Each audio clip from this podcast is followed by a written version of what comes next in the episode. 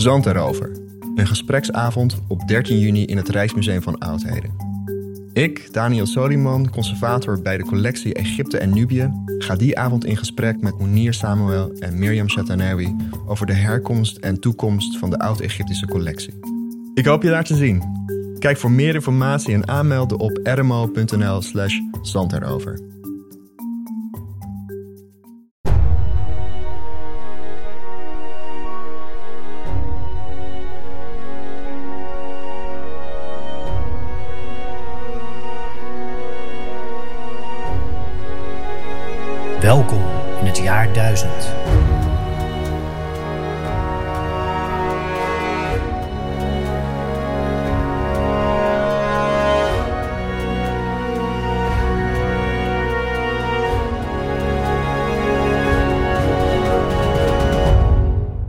In het Rijksmuseum van Oudheden in Leiden is vanaf 13 oktober 2023 de tentoonstelling Het Jaar 1000 te zien.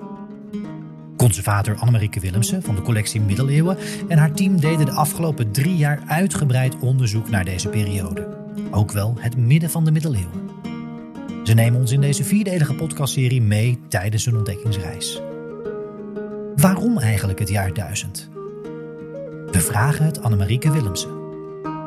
Nou, het jaar 1000 is eigenlijk een beetje een kapstok of titel. Want het onderzoek uh, en ook de tentoonstelling gaan breder over de 10e en de 11e eeuw.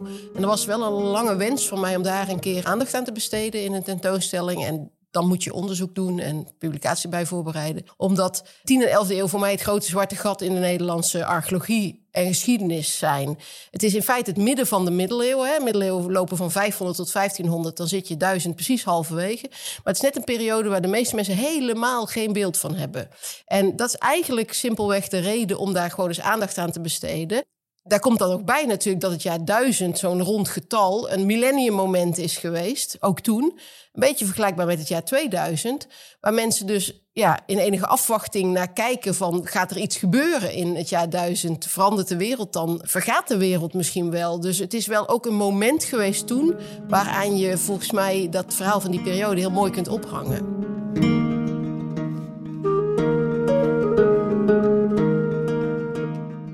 We hoorden het al in de introductie van deze aflevering. Veel mensen weten eigenlijk niet goed wat er speelde rond het jaar 1000. Het vormt letterlijk een gat in onze collectieve kennis, met name ook in het onderwijs. In de kanon van Nederland springen we van Karel de Grote, dus zo rond het jaar 800, naar Hebban Olla Vogela, zo rond 1100. Maar waarom is het jaar 1000, de periode daar dus tussen, dan zo onbekend en onderbelicht? Het heeft daarmee te maken dat het onderwijs vooral met schriftelijke bronnen werkt. En schriftelijke bronnen zijn er over deze periode eigenlijk best een hoop, maar niet in vergelijking met bijvoorbeeld de late middeleeuwen. Als je naar de 10e en de 11e eeuw kijkt, zit je precies voor de oudste stadsrechten. En dus zeggen veel steden dat hun stad nog niet. Hun stad begint met het stadsrecht. En dat is vaak uit de 12e eeuw als bewaard is gebleven. Een, een geschreven stadsrecht, een document. En hetzelfde geldt voor als je gaat opgraven, dat heel veel bebouwing in de steden net uit het eind van die 12e of begin van die 13e eeuw is. De oudste stenen bebouwing in Leiden bijvoorbeeld, die opgegraven is, is precies uit die 12e eeuw. Daar zit je voor. Dan heb je dus te maken voor de 10e en de 11e eeuw met de laatste periode, denk ik, waar archeologie de belangrijkste bron voor is. En dat is eigenlijk onwennig voor het onderwijs en ook voor geschiedenisboeken wel. Dus het werken met archeologie als belangrijkste bron voor hoe het was, is wat, wat onwennig, denk ik, voor veel mensen. Als je vanuit vroegere periodes kijkt, weet je dan eigenlijk weer meer. Want voor de vroege middeleeuwen, zeg na de Romeinen, zeg vanaf 400 of 500 tot zeg maar Karel de Grote, hè, het kanonmoment rond 800, hebben we ontzettend veel vondsten. Eh, omdat het gebruikelijk is om mensen te begraven met al hun spullen. Al hun bezittingen. En daardoor hebben we van die vroege middeleeuwen eigenlijk een heel goed beeld. Weliswaar via de begravingen, maar toch een vrij goed beeld van het verleden. En dat mis je nou net weer vanaf de negende eeuw. Of laten we zeggen vanaf rond 900 omdat dan het grootste gedeelte van Nederland christelijk is en je die bron van de archeologie weer mist. Dus je zou kunnen zeggen, iedereen heeft dat ook gezegd toen we het gingen onderzoeken, van ja, zou je niet het eind van de negende eeuw erbij doen? Dan zijn er nog Carolingische handschriften, dan zijn er nog vikingvondsten vooral. Overigens zijn die er later ook. Of ze zeiden van, ja, zou je niet toch die twaalfde eeuw erbij nemen? Want dan hebben we, nou ja, die stadsrechten, dan hebben we meer. En elke keer bleek dus dat het grote zwarte gat eigenlijk die tiende en die elfde eeuw was. En er is ook nog echt een, soort methodologisch probleem. Omdat er veel meer mensen zijn die heel veel weten van de zevende, achtste, negende eeuw. En er zijn heel veel mensen die veel weten van de twaalfde, dertiende, veertiende, vijftiende eeuw. En die hebben de neiging gehad om dingen die onduidelijk waren of op de grens zaten of om die dan bij hun onderzoek te trekken naar voren. Zo van laat Carolingisch loopt dan tot in de begin 10e eeuw. Of om dan gewoon dat te laten beginnen al een heel klein beetje. Hè, de geschiedenis van Holland bijvoorbeeld. Uh, die dan aanloopt naar het Hollandse gravenhuis. Dan net al wel te laten beginnen in aan het eind van die 11e eeuw. En dus die periode aan zich is daardoor heel slecht gekend. En het bleek eigenlijk ook pas in ons eigen vooronderzoek, wat wel drie jaar heeft geduurd, natuurlijk heel groot was. Dat bijvoorbeeld bepaalde begravingen, noem eens iets, op de Palts in Nijmegen, zeg maar op het Valkhof. Uh, daar zijn begravingen gevonden uh, met skeletten. Nou, die zijn christelijke begrafenissen. Dat wil zeggen, er zitten geen objecten bij. Het is moeilijk om die te dateren is dan gezegd, ja, het zal wel, hè, dit is een belangrijke plek in de Carolingische periode rond 800. Het zal wel, die graven zullen wel uit die periode zijn op deze plek. En pas toen die natuurwetenschappelijk, C14, gedateerd werden, bleken die uit de 10e eeuw te zijn. En dat is eigenlijk een beetje de rode draad door het hele vooronderzoek. Is dat er iedereen zei, alle kenners van alle types materiaal en bronnen zeiden: Ah, er is eigenlijk niks, uh, zou je het wel doen? En dat er overal ontzettend veel bleek te zijn. Tot het punt dat het bijna zorgwekkend was. En we enorm moesten gaan kiezen wat we wel en niet wilden vertellen. En wel en niet wilden laten zien. Dus er is ontzettend veel eigenlijk bewaard. En het is ontzettend leuk echt geweest om dat op een rijtje te kunnen zetten. Het midden van de middeleeuwen komt tijdens het onderzoek van Annemarieke en haar team nadrukkelijk naar voren als een belangrijke overgangsperiode. Ja, dat is het op verschillende manieren. Het eerste waar ik er nu aan denk is het landschap. Want dit is de periode tussen 900 en 1100 dat het grondgebied van het huidige Nederland van 70% wildernis, onbetreedbare wildernis, naar 70% cultuurland gaat. Dus 70% land waar je gewassen kunt verbouwen en waar je kunt wonen. En dat is een enorme overgang. Dat is de grootste landaanwinst en de grootste bevolkingsgroei relatief in de geschiedenis van Nederland ooit. Dat weet bijvoorbeeld al niemand. Er is nog wel een soort spoor van het idee van de grote ontginningen. Nou, daar gaat het deels ook wel om. Het gaat deels om het bebouwbaar maken van land en dus afwater. Maar het zijn ook de eerste zeedijken. Maar het is ook het terugdringen daarmee van ja, wat wildernis heet in de bronnen. Dus van onbetreedbaar woud, ondoordringbare bossen, veenland waar je niet, hè, wat nat en zompig is, wat je niet kunt betreden. Dus daarmee wordt Nederland ook bereisbaar in feite, betreedbaar. En ja, altijd hebben dit soort dingen een keerzijde. Het is ook de periode waarin bijvoorbeeld de eland en de bruine beer uit Nederland verdwijnen. We zien ze voor het laatst in jachtrechten in het eh, begin van de 11e eeuw. En daarna komen ze niet meer voor. En heeft puur mee te maken dat hun habitat, hun leefgebied verdwijnt als wij steeds meer in die tijd leefgebied voor de mensen maken, creëren, daadwerkelijk actief gaan ontginnen en bewonen en bebouwen. Dus dat is al landschappelijk al een heel groot verschil. Maar het is dus een periode waar heel veel dingen veranderen. Het is ook een periode waarin we van een meertaligheid naar het oudste Nederlands gaan. We beginnen in rond 900 met een meertalig Nederland, waar het Friese bijvoorbeeld ook nog heel belangrijk in is. En we eindigen in eh, rond 1100. Nou, dat staat ook in de kanon met Hebban Olla Vogela, met het eerste Nederlands. Maar dat is niet het enige. Het is precies die periode. En in de tentoonstelling laten we dat niet zien met Hebban Olla Vogela, want dat is maar een heel klein zinnetje. Maar met de zogenaamde Leidse Willeram. En dat is een heel beroemd handschrift uit de ja, eind van de 11e eeuw, wat helemaal tweetalig is. Dus geschreven door iemand die zowel dat oudste Nederlands, begin van het oud-Nederlands, als het Latijn perfect beheerst. En dat gewoon door elkaar gebruikt. Dus Latijn gebruikt om het Nederlands uit te leggen en het Nederlands gebruikt om het Latijn uit te leggen. En er staan prachtige oud-Nederlandse woorden in, die er raar uitzien soms, maar als je ze hardop voorleest, zijn ze heel begrijpelijk. Bijvoorbeeld staat er, dat is mijn absolute favoriet, turtelduvan in. En dat zijn tortelduiven. En dat wordt ook in de context van de liefde gebruikt, eind 11e eeuw. Dus ja, taal is, is ook een van de dingen die in deze periode verandert. De periode 900 tot 1100 als een belangrijke overgangsperiode in de middeleeuwen dus. En kenmerkend daarin was dus, het kwam al voorbij, de verandering van het landschap. Het grondgebied van het huidige Nederland verandert door het ingrijpen van mensen, aangestuurd vanuit steden, burchten en kloosters. We maken kennis met Rafael Rijntjes. Ik ben uh, Rafael Rijntjes. Ik ben assistent-conservator in het Rijksmuseum van Oudheden en speciaal aangenomen om het onderzoek te doen voorafgaand aan de tentoonstelling over het jaar 1000. De 10e en 11e eeuw verandert er eigenlijk, er beginnen eigenlijk alle grote veranderingen in het Nederlandse landschap die we, die we nu zien. De eerste dijken worden aangelegd, de eerste veenontginningen vinden plaats, er wordt land gewonnen, er worden zeedijken aangelegd. En nog niet zo'n enorme stukken, maar de, eerste poging om, om, om, het land te veranderen, om het land te winnen, om ook vooral de land aanwas te krijgen, om, om land in cultuur te brengen, dat vindt, begint eigenlijk allemaal zo rond het jaar duizend. dus in Nederland zoals we het nu kennen, zou je kunnen zeggen, is, is het gevolg van een ontwikkeling die toen is ingezet. Er wordt enorm veel bos gekapt. Het gaat van 70% bos, van wildernis naar 70% cultuurlandschap in die periode. Er gigantisch veel bos gekapt. Voor, voor landproductie, maar ook om, om uh, houtskool te maken. Voor de, voor de ijzerproductie op de, de die zich langzaam naar het, naar het oosten verplaatst. Dus grote landschappelijke ingrepen. We denken dat dat, dat dat nu allemaal gebeurt. Dat we nu door menselijk handelen er zoveel verandert. Maar eigenlijk is dat toen al begonnen. We weten al dat er, dat stukken zijn geweest waar al helemaal geen boom meer groeide. Dus een beschrijving van een Arabische reiziger die rond het jaar 1000, eind van de 10e eeuw, door, door Nederland reist en dan bij Utrecht komt en zegt: Je wat bijzonder. Ze hebben geen hout meer om te stoken. Maar wat, doen ze? Ze gaan maar turf steken. Dus hij beschrijft het dan. Hij noemt het geen turf, maar hij beschrijft dat ze daar stukken uitsteken uit de grond en dat laten drogen en dat dan, dat dan branden.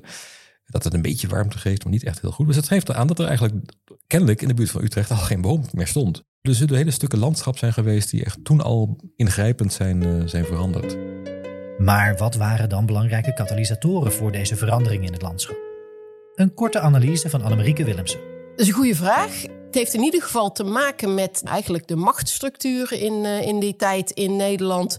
Die bestaan uit eh, wereldlijke en geestelijke ja, machtspersonen. Hè? Dus bisschoppen met die eigenlijk geestelijk zijn, maar wereldlijke macht hebben. En graven, of in ieder geval leiders, die ook wel weer duidelijk het christendom aanhangen. En zij regeren vanuit respectievelijk kloosters en burchten. En die zijn een belangrijke katalysator geweest in het bezitten van land en het onderhandelen met land. En dus konden die zeggen: Oké, dit stuk land hoort bij dit klooster. En wij geven opdracht om dat te ontginnen. Dus er zijn eigenlijk, je zou kunnen zeggen dat katalysatoren mensen zijn die de, ja, eigenlijk de invloed hadden en het geld ook om dat land beschikbaar te maken. En dat werkt vervolgens in een stroomversnelling. En het ene werkt het andere in de hand. Dus bijvoorbeeld als je dijen, het is de periode van de eerste zeedijken. Maar die maken het makkelijker om het achterland direct achter die dijken, om dat beschikbaar te maken. En andersom ga je meer dijken nodig hebben als je meer land inpoldert en meer veengebied gaat inklinken bijvoorbeeld. En het heeft ook een effect op hoe het landschap eruit ziet. Want er ontstaat dus eigenlijk in die 11e eeuw een landschap met ja, vlak land met afwateringsslootjes, met dijken en met kerktorens aan de horizon. En dat is iets wat je nu nog heel typisch voor Nederland vindt, maar wat er voor 1100 eigenlijk niet was. Dus het heeft eigenlijk met de, de machtsstructuur, de mensen te maken die, het land, uh, kun, die over het land kunnen beschikken. Maar ook, het heeft ook met een, een toenemende welvaart te maken, die ook weer mogelijk maakt om mensen in te zetten om land in te polderen bijvoorbeeld. Maar dat maakt ook weer dat er meer eten is. Dus dat het weer mogelijk is om meer mensen. Dus uiteindelijk gaat dat ook dat gaat zichzelf versterken. En dan speelt ook nog mee dat een aantal ja, technologische innovaties zou je kunnen zeggen. Want uh, in deze tijd een van de dingen die we op verschillende plekken in de wereld tegelijk zien ja, gebruikt worden of ontstaan, ja, uitgevonden, eh, moeilijk woord altijd een beetje, is het nooit één persoon die het opeens in één keer helemaal goed heeft. Maar in ieder geval zien we overal windmolens uh, opduiken. En uh, ja, Nederland is ondenkbaar zonder windmolens. Maar uh, dat is wel een van de dingen die uh, natuurlijk heel handig is bij het, het inpolderen, bij het, bij het werken met kletsnat land, zeg maar. En het gaat niet alleen over windmolens. In de tentoonstelling laten we een, stuk van een schoeperrad zien, wat gevonden is in Drenthe. En dat schoeperrad, ja, dat betekent dat er een, een watermolen was. En watermolens komen ook in de bronnen uit deze tijd voor. Bijvoorbeeld als onze streken, dus het huidige Nederland, beschreven worden in een huwelijksakte van keizerin uit deze tijd, keizerin Theophanu. Zij krijgt van haar man Otto II, de keizer, grote stukken land in Nederland bij het huwelijk. En daar wordt ook de opstal van dat land bij genoemd. Dus wat je krijgt land, daar kun je belasting over heffen. Dus dat is op zich geld. Maar je kunt het ook laten bebouwen en dan is het ook eten en andere dingen. En daar worden dus watermolens bijvoorbeeld ook genoemd als dat die er al zijn in dat land wat zij in het huidige Nederland uh, ja, cadeau krijgt bij de bruiloft. Rond het jaar 1000 veranderde het landschap dus ingrijpend. Of in de woorden van Annemarieke Willemsen, wat wij typisch Nederland vinden, is er voor het jaar 1100 gewoon nog niet. Een zijstap nu. Want als het landschap zo veranderde, kunnen wij daar dan ongeveer duizend jaar later, vandaag de dag dus, nog iets van zien als we er zelf op uittrekken? Rafael Rijntjes praat ons bij. Als je dat nu wil zien, of als je, als je nu wil zien van ja, hoe, hoe zag dat landschap er rond die tijd uit, dan kun je dat in verschillende plaatsen in Nederland nog wel zien. Dat zijn dan niet altijd even groot, maar in, in Noord-Drenthe heb je nog voorbeelden van oude veenlandschappen, het Bargeveen of een Norgehold, zo'n zo'n bos wat er nog een beetje wild uitziet. Oerbos hebben we niet meer, maar nog een, een dat ziet er dan middeleeuws uit. En hetzelfde geldt voor de kustlandschappen. Alle, alle landschappen waren eigenlijk dynamisch. En, um, de, de rivierlandschappen waren dynamisch. dus de rivier die meandert, die verzandt, die maakt, trekt nieuwe bochten door het landschap. Mensen maken daar actief gebruik van. En als je je nederzetting heel graag wil beschermen, dan bouw je daar een stukje van een dijk langs, dat je in ieder geval jouw stuk dan niet al te vaak overstroomt. Dus, dus niet zoals nu, dat er van die enorme dijken langs de rivieren liggen, maar stukken werden langzamerhand bedijkt. En dat geldt ook voor de zee de noordkant Groningen, Friesland, het landschap waar, waar wel gewoond werd op kleine opgeworpen terpen. Hetzelfde geldt voor Zeeland, van die vlietbergen. waar overstromingen waren regelmatig, maar waar toch ook landbouw plaatsvond van, van gewassen die daar uh, tegen konden. Waar kwelders ontstonden, dus waar plekken waren die net iets hoger lagen, die konden worden bedijkt. Ontstonden langzamerhand steeds meer aaneengesloten stukken landschap die uh, redelijk beschermd waren tegen de, de zee. En de, en de terpen zelf, die werden ook uh, uitgebreid. Je hebt ook juist in deze periode zo'n ontwikkeling dat het begint met een klein terpje en dat wordt, wordt steeds verder aangeplemd, zeg maar, steeds groter gemaakt. En op het laatst is het zo groot dat er juist op de terp de landbouw plaatsvindt en niet meer ernaast. En als we dan toch bezig zijn met de zaken die we nu nog kunnen zien uit de periode 900-1100, zijn er nog monumenten uit die periode te bekijken in Nederland? Wat betreft de monumenten uit die periode is natuurlijk enorm veel verdwenen. Maar toch zijn er her en der nog wel eh, voorbeelden van bewaard. Utrecht is natuurlijk een mooi voorbeeld, want je daar en die keizerlijke pals hebt, uh, deels bewaard, Paleis Loven. Je hebt nog een paar van de 11e eeuwse kerken die nog uh, zichtbaar zijn. De, de, Pieterskerk en de Janskerk is nog deels bewaard. Een stukje van de Paulusabdij. Bij Oosterbeek heb je nog een, een, kerk die van het schip uit de 10e eeuw dateert, dus nog een stukje, stukje ouder is. En her en der in Nederland heb je nog wel vaak stukken van kerken, of onder de kant van een kerk, onder, onderkant van een toren, um, die, die uit die 10e, 11e eeuw dateert. Maar echt een compleet gebouw hebben we eigenlijk niet meer. Dan is toch de Pieterskerk, denk ik, een van de betere voorbeelden. En, en landschappelijke structuur, daar gaat eigenlijk hetzelfde voor. Je, hebt, je hebt plekken waar oude dijken liggen. En, soms weet je van die oude dijk, die moet in de 11e eeuw zijn aangelegd. Ja, maar dat maakt nu bijvoorbeeld onderdeel uit van een provinciale weg. Dus dit is niet, niet meer goed als zodanig herkenbaar. En over deze periode wordt ook wel gezegd dat er om iedere rivierbocht een kasteel of burg te vinden is. Er moeten ongelooflijk veel kleine kasteeltjes hebben gelegen op diverse plekken. Ook op plekken waar je dat misschien niet zou verwachten. We weten nu bijvoorbeeld in, in Zeeland, die Vlietberg, dat het toch vrij veel daarvan. Hè, de Vlietberg, de naam zegt het al, dat dat eigenlijk de oude idee is van dat daar, ga je naartoe als het hoog water is. Maar tegenwoordig is toch vrij duidelijk dat dat veel van die Vlietbergen eigenlijk allemaal mottenkasteeltjes zijn geweest. Dus, dus in houtbouw, een, een, kleine plek waar een lokale heer zich kon, uh, kon ophouden. Vaak met een voorburg er nog bij, dus een klein heuveltje erbij als een soort extra beveiliging, een gracht eromheen. Ook, ook in het binnenland zijn er veel van dat soort opgeworpen plekken geweest waar kleine kasteeltjes, kleine huizen hebben gestaan, maar dan wel versterkt. Er zijn ook wat beschrijvingen van, van hoe, ja, bepaalde plekken hoe dat, hoe dat gebeurde. De houten palissades worden geslagen. Een, eh, vrij korte tijd kon zoiets worden, worden opgetrokken. Een heuvel, een heuvel wordt opgeworpen.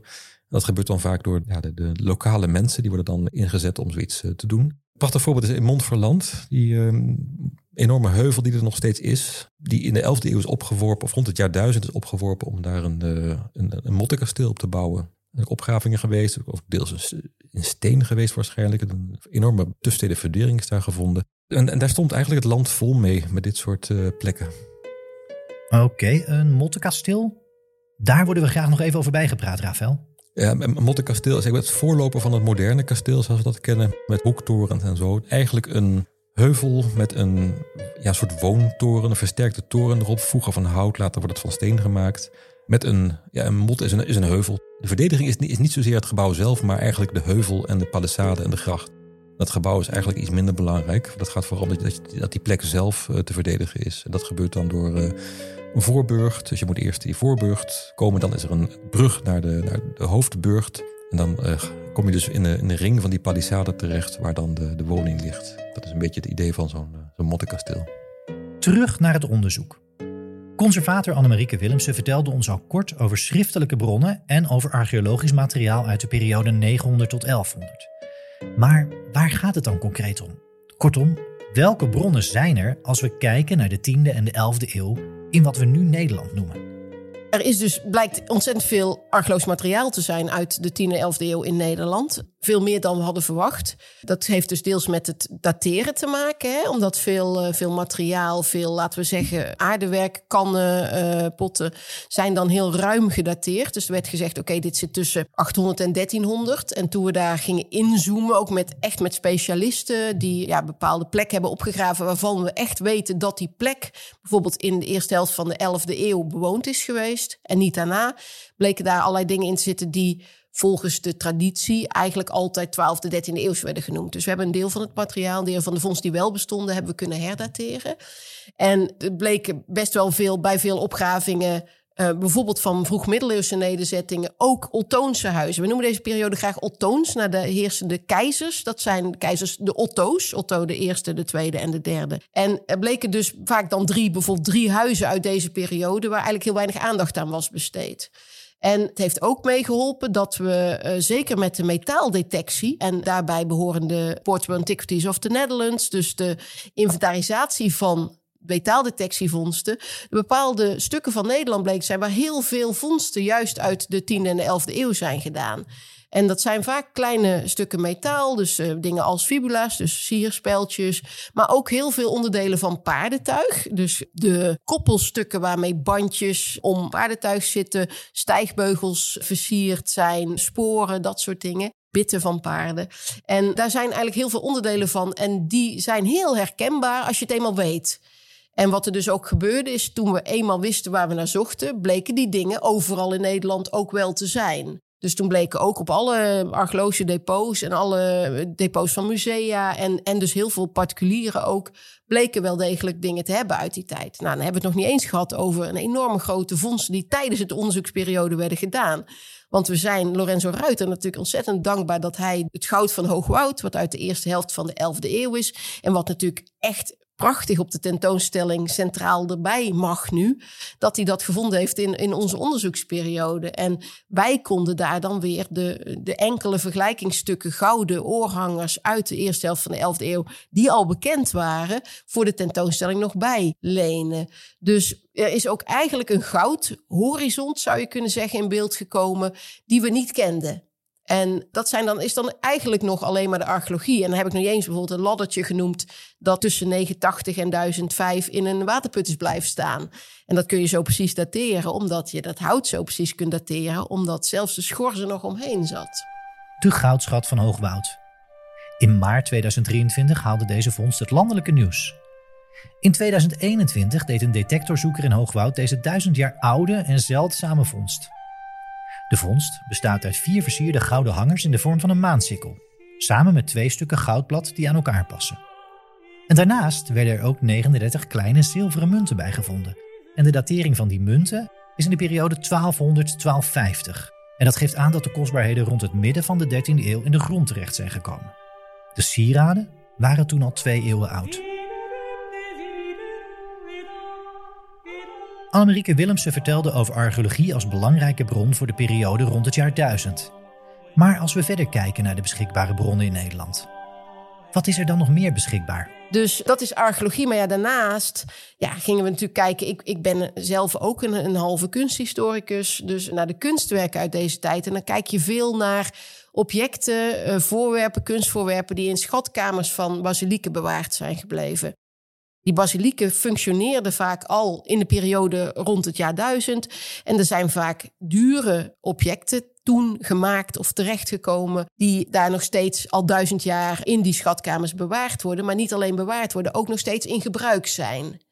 Dus nou, ik herinner me bijvoorbeeld dat we de eerste keer dat ik uh, in de schatkamer van Onze Lieve Vrouw Sterren der Zee in Maastricht was, om te kijken of we die met, met zilver beslagen vikinghoren van rond het jaar 1000 misschien naar de tentoonstelling zouden kunnen krijgen, is hun belangrijkste zorg was of er dat jaar geen, hemel, uh, geen heiligdomsvaart zou zijn.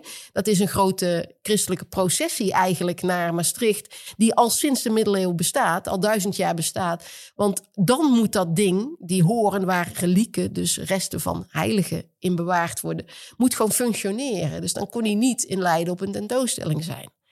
Dat was gelukkig niet zo. Dat is een van de dingen. Het gaat dan om uh, nou dingen als het borstkruis van Sint Servaas.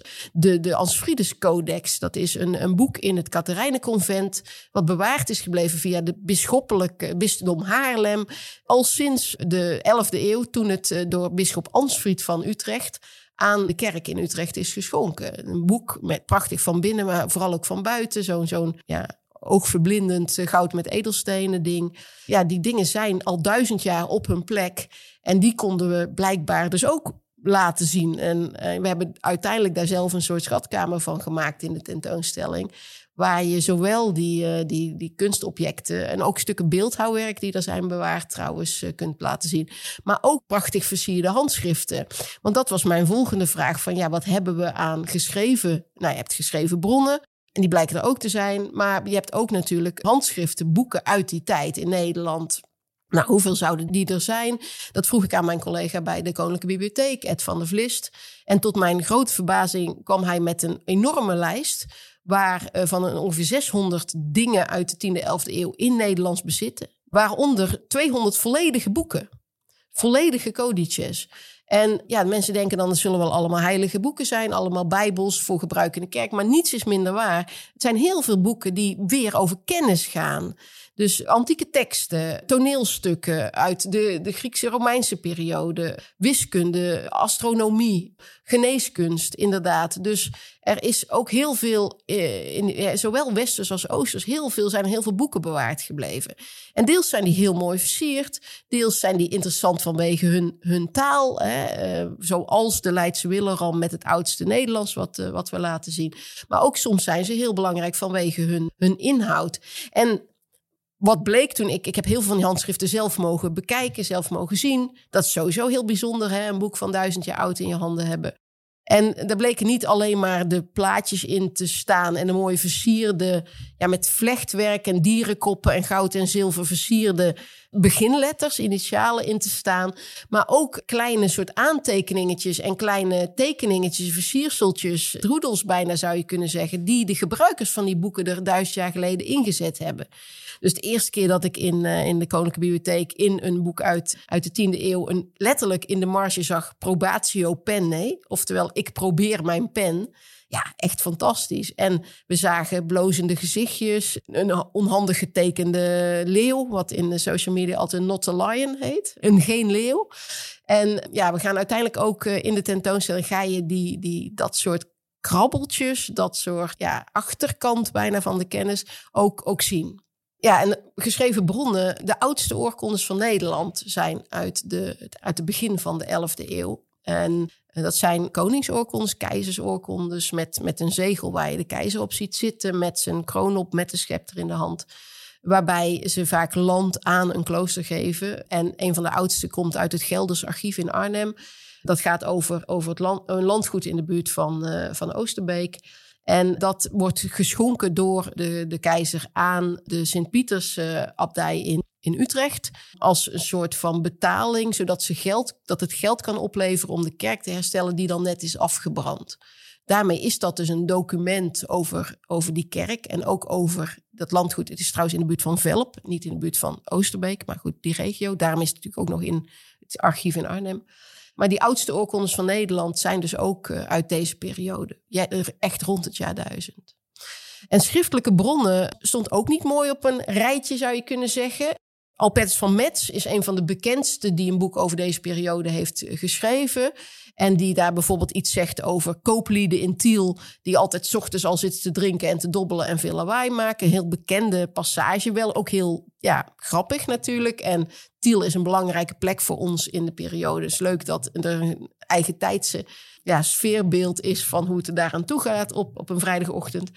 Maar uiteindelijk is professor Marco Mostert op de Universiteit Utrecht te hulp geschoten met studenten. Een hele grote groep studenten heeft daar in de afgelopen jaren aan gewerkt. Om eigenlijk alle bronnen die er over onze streken uit deze periode bestaan, en dit gaat over Latijnse bronnen, om die ja, door te lezen, te vertalen en te ontsluiten. En daarbij hebben ze specifiek voor ons gelet op vermeldingen van gebouwen, vermeldingen van ja, materiële cultuur, dus voorwerpen, maar ook op wat bijvoorbeeld die bronnen zeggen over het beeld dat men in die tijd van zichzelf en van de ander heeft.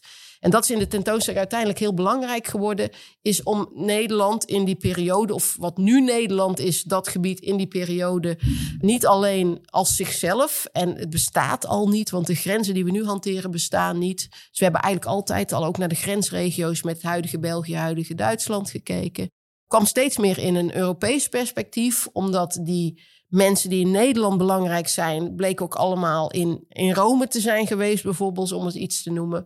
En uiteindelijk werd het toch echt een globaal perspectief, want we hadden ook met de mensen machthebbers in Nederland zijn, hebben een connectie met het Byzantijnse Rijk, dat vanuit Constantinopel, het huidige Istanbul, wordt geregeerd. Maar we waren ook, begonnen ook geïnteresseerd te zijn in, in reizigers die in onze streken zijn geweest en uit hele andere gebieden komen. Waaronder een, een, een Joodse reiziger uit Al-Andalus, dat is zeg maar Zuid-Spanje, wat dan uh, islamitisch is. Een Joodse reiziger die in de buurt van Utrecht nauwkeurig heeft beschreven hoe daar turf wordt gewonnen. En uiteindelijk, een van mijn favorieten is geworden is Al-Masoudi. Dat is een reiziger uit Bagdad, die nou, geboren in Bagdad en gestorven in Cairo. Allebei hele grote plaatsen in deze periode, veel groter dan alles wat er in Europa is. Maar die gereisd heeft tot in Kiev om bij de, de toenmalige Rus-viking op eh, bezoek te gaan. En die dus ook eh, schrijft over bijvoorbeeld de Franken, dus wat in onze streken. En typeert wat, ja, wat volgens hem typisch is voor die, eh, voor die Franken. Dan worden het blijken weer dappere krijgers. En ze zijn heel loyaal. Hij kent geen loyale mensen, zegt hij dan, dan de Franken. Loyaal aan één koning. En dat vindt hij heel bijzonder. Want dat zijn eigen gebied bestaat dan uit een heleboel kleine kalifaten met allemaal kalifen. En de, de Franken luisteren allemaal naar één koning, zegt hij, vindt hij heel bijzonder.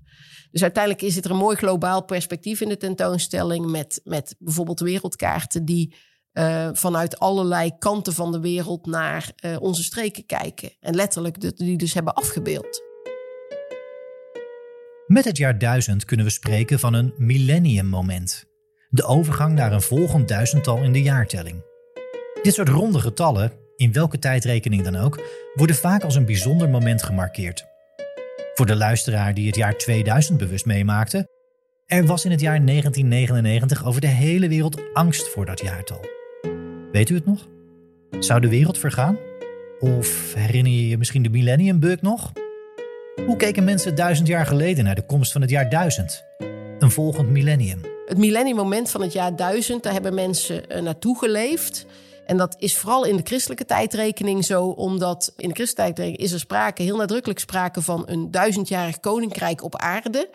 En daarna zou ja, het laatste oordeel komen. En daarna zou een, een hemels koninkrijk komen. Dus, dus er is met enige verwachting uitgekeken naar het jaar duizend. En het wordt eigenlijk vaak omschreven als millenniumvrees. Dat ze bang waren dat de wereld verging. Maar eigenlijk is dat niet precies. Want eigenlijk zijn ze heel. Ja, zijn ook heel veel mensen in het volste vertrouwen dat met jaar duizend wat er dan gaat gebeuren. Dat, dat dan eindelijk alles beter wordt. Dat we eigenlijk van dit vreselijke aardse bestaan zijn verlost. En die mensen zijn ook, en dat kun je echt in de bronnen ook zien, teleurgesteld als er niks gebeurt in het jaar duizend. En dan denken ze eerst dat ze het verkeerd gerekend hebben, duizend jaar na de geboorte van Christus. Misschien gaat het om duizend jaar na de dood van Christus. Dus 1033 is er ook nog zo'n momentje geweest. En toen daar ook niets gebeurde, zie je bijvoorbeeld ook ketterij ontstaan. Dus mensen die dan gaan twijfelen aan andere dingen die de kerk zegt. En dat weten we altijd als de kerk daar zelf, de, de geestelijke machthebbers, die dus ook heel veel wereldlijke macht hebben in deze tijd, hè, als die daar zelf nerveus van worden, want dan gaan ze ketterij bestrijden. En op het moment dat die bestreden wordt, kunnen we hem in de bronnen zien. Dus processen bijvoorbeeld zijn er. Teleurstelling dus, twijfel en zelfs ketterij. Maar dat was achteraf. Maar de fase voor het millenniummoment. In de aanloop naar het jaar 2000 zagen we overheden en bedrijven flink investeren om computersystemen klaar te maken voor het nieuwe millennium. Er waren immers signalen dat het goed fout kon gaan. Is daar in de aanloop naar het jaar 1000 ook sprake van? Wat speelde er voor mensen in de aanloop naar dat eerste millenniummoment? Het jaar 1000 zien mensen aangekondigd worden door allerlei verschijnselen. Er zijn komeetverschijningen, een, een, aantal in de aanloop naar het jaar 1000. Er zijn overstromingen en droogtes. Die hebben overigens simpelweg ook te maken met dat veranderde inrichting van het land. Op het moment dat jij systematisch gaat bedijken en afwateren, ga je eigenlijk de ruimte voor het water inperken en de ruimte voor het wonen definiëren. En dan krijg je relatief grotere overstromingen. Beetje zoals als een rivier lang gewoon in, vrij kan stromen, gaat in feite kan hij hoger en lager worden. Maar als je hem gaat inperken, dan kan hij heel hoog overstromen. Dus we zien in de 11e eeuw opeens ook grote overstromingen. En het is een periode met vrij veel droogtes. Die zijn ook eh, in de bronnen dus eh, gedocumenteerd. Ze noemen dat wel eens de droge 11e eeuw. Nou ja, er zijn vooral veel klimaatverschijnselen, zou je kunnen zeggen, die deels eigenlijk door mensen zelf veroorzaakt zijn, maar die wel degelijk als door een deel van de mensen als tekens wordt gezien dat er, dat er iets op komst is. Nou, komeetverschijningen, het maakt ook nu nog altijd heel veel indruk als zo'n ding aan de hemel staat. Dat is toen niet anders. En een daarvan is natuurlijk de komeet van Halley. We weten dat hij in onze periodes tussen 900 en 1100 dus drie keer te zien is geweest. Dat weten we vooral omdat hij in 1066 te zien is geweest. En dat is het jaar van de invasie door Willem de Veroveraar van Groot-Brittannië. En aan komeetverschijningen wordt wel een militaire verandering of militaire onrust gekoppeld. En dus op het moment dat die militaire onrust, en dat is dan een eufemisme, uh, daadwerkelijk komt, wordt opnieuw gekeken naar, oké, dat was inderdaad, dat was aangekondigd, want er stond zo'n vlammende ster lang aan de hemel. En die is ook afgebeeld op het tapijt van Bayeux, waar de slag van Willem Veroveraar in, eh, in Engeland in 1066 op is afgebeeld. Staan mensen naar de komeet van Halley te kijken. De komeet van Halley, die iedere 75 tot 79 jaar korte tijd te zien is vanaf de aarde, werd in 1066 ook gezien in andere delen van de wereld. Door mensen in Korea, Japan, Mexico. En niet alleen gezien, maar ook gedocumenteerd. Onder andere deze constatering leidde tot een inzicht voor Annemarieke en haar team. Wij liepen steeds op een goede manier aan tegen dat dit een, een, een grote, maar wel een connected, een verbonden wereld is. En mensen dingen van elkaar weten. En, en dat ze gereisd hebben. En dat, nou ja, dat inderdaad iemand uit Bagdad weet wie de Franken zijn en wat die doen. En andersom. En dat is denk ik iets wat mensen zich niet realiseren. En wat met die prachtige luxe objecten, uh, met ook dat, die, die goudvondsten, met, met, met munten uit die tijd, muntschatten, uh, samen heel erg een, een heel ander beeld, denk ik, gaat geven van duizend jaar geleden dan iemand zal hebben.